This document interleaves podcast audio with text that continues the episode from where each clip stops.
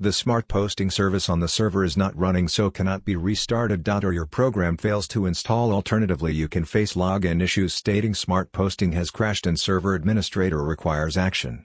Let's look at how to fix Sage 50 smart posting errors.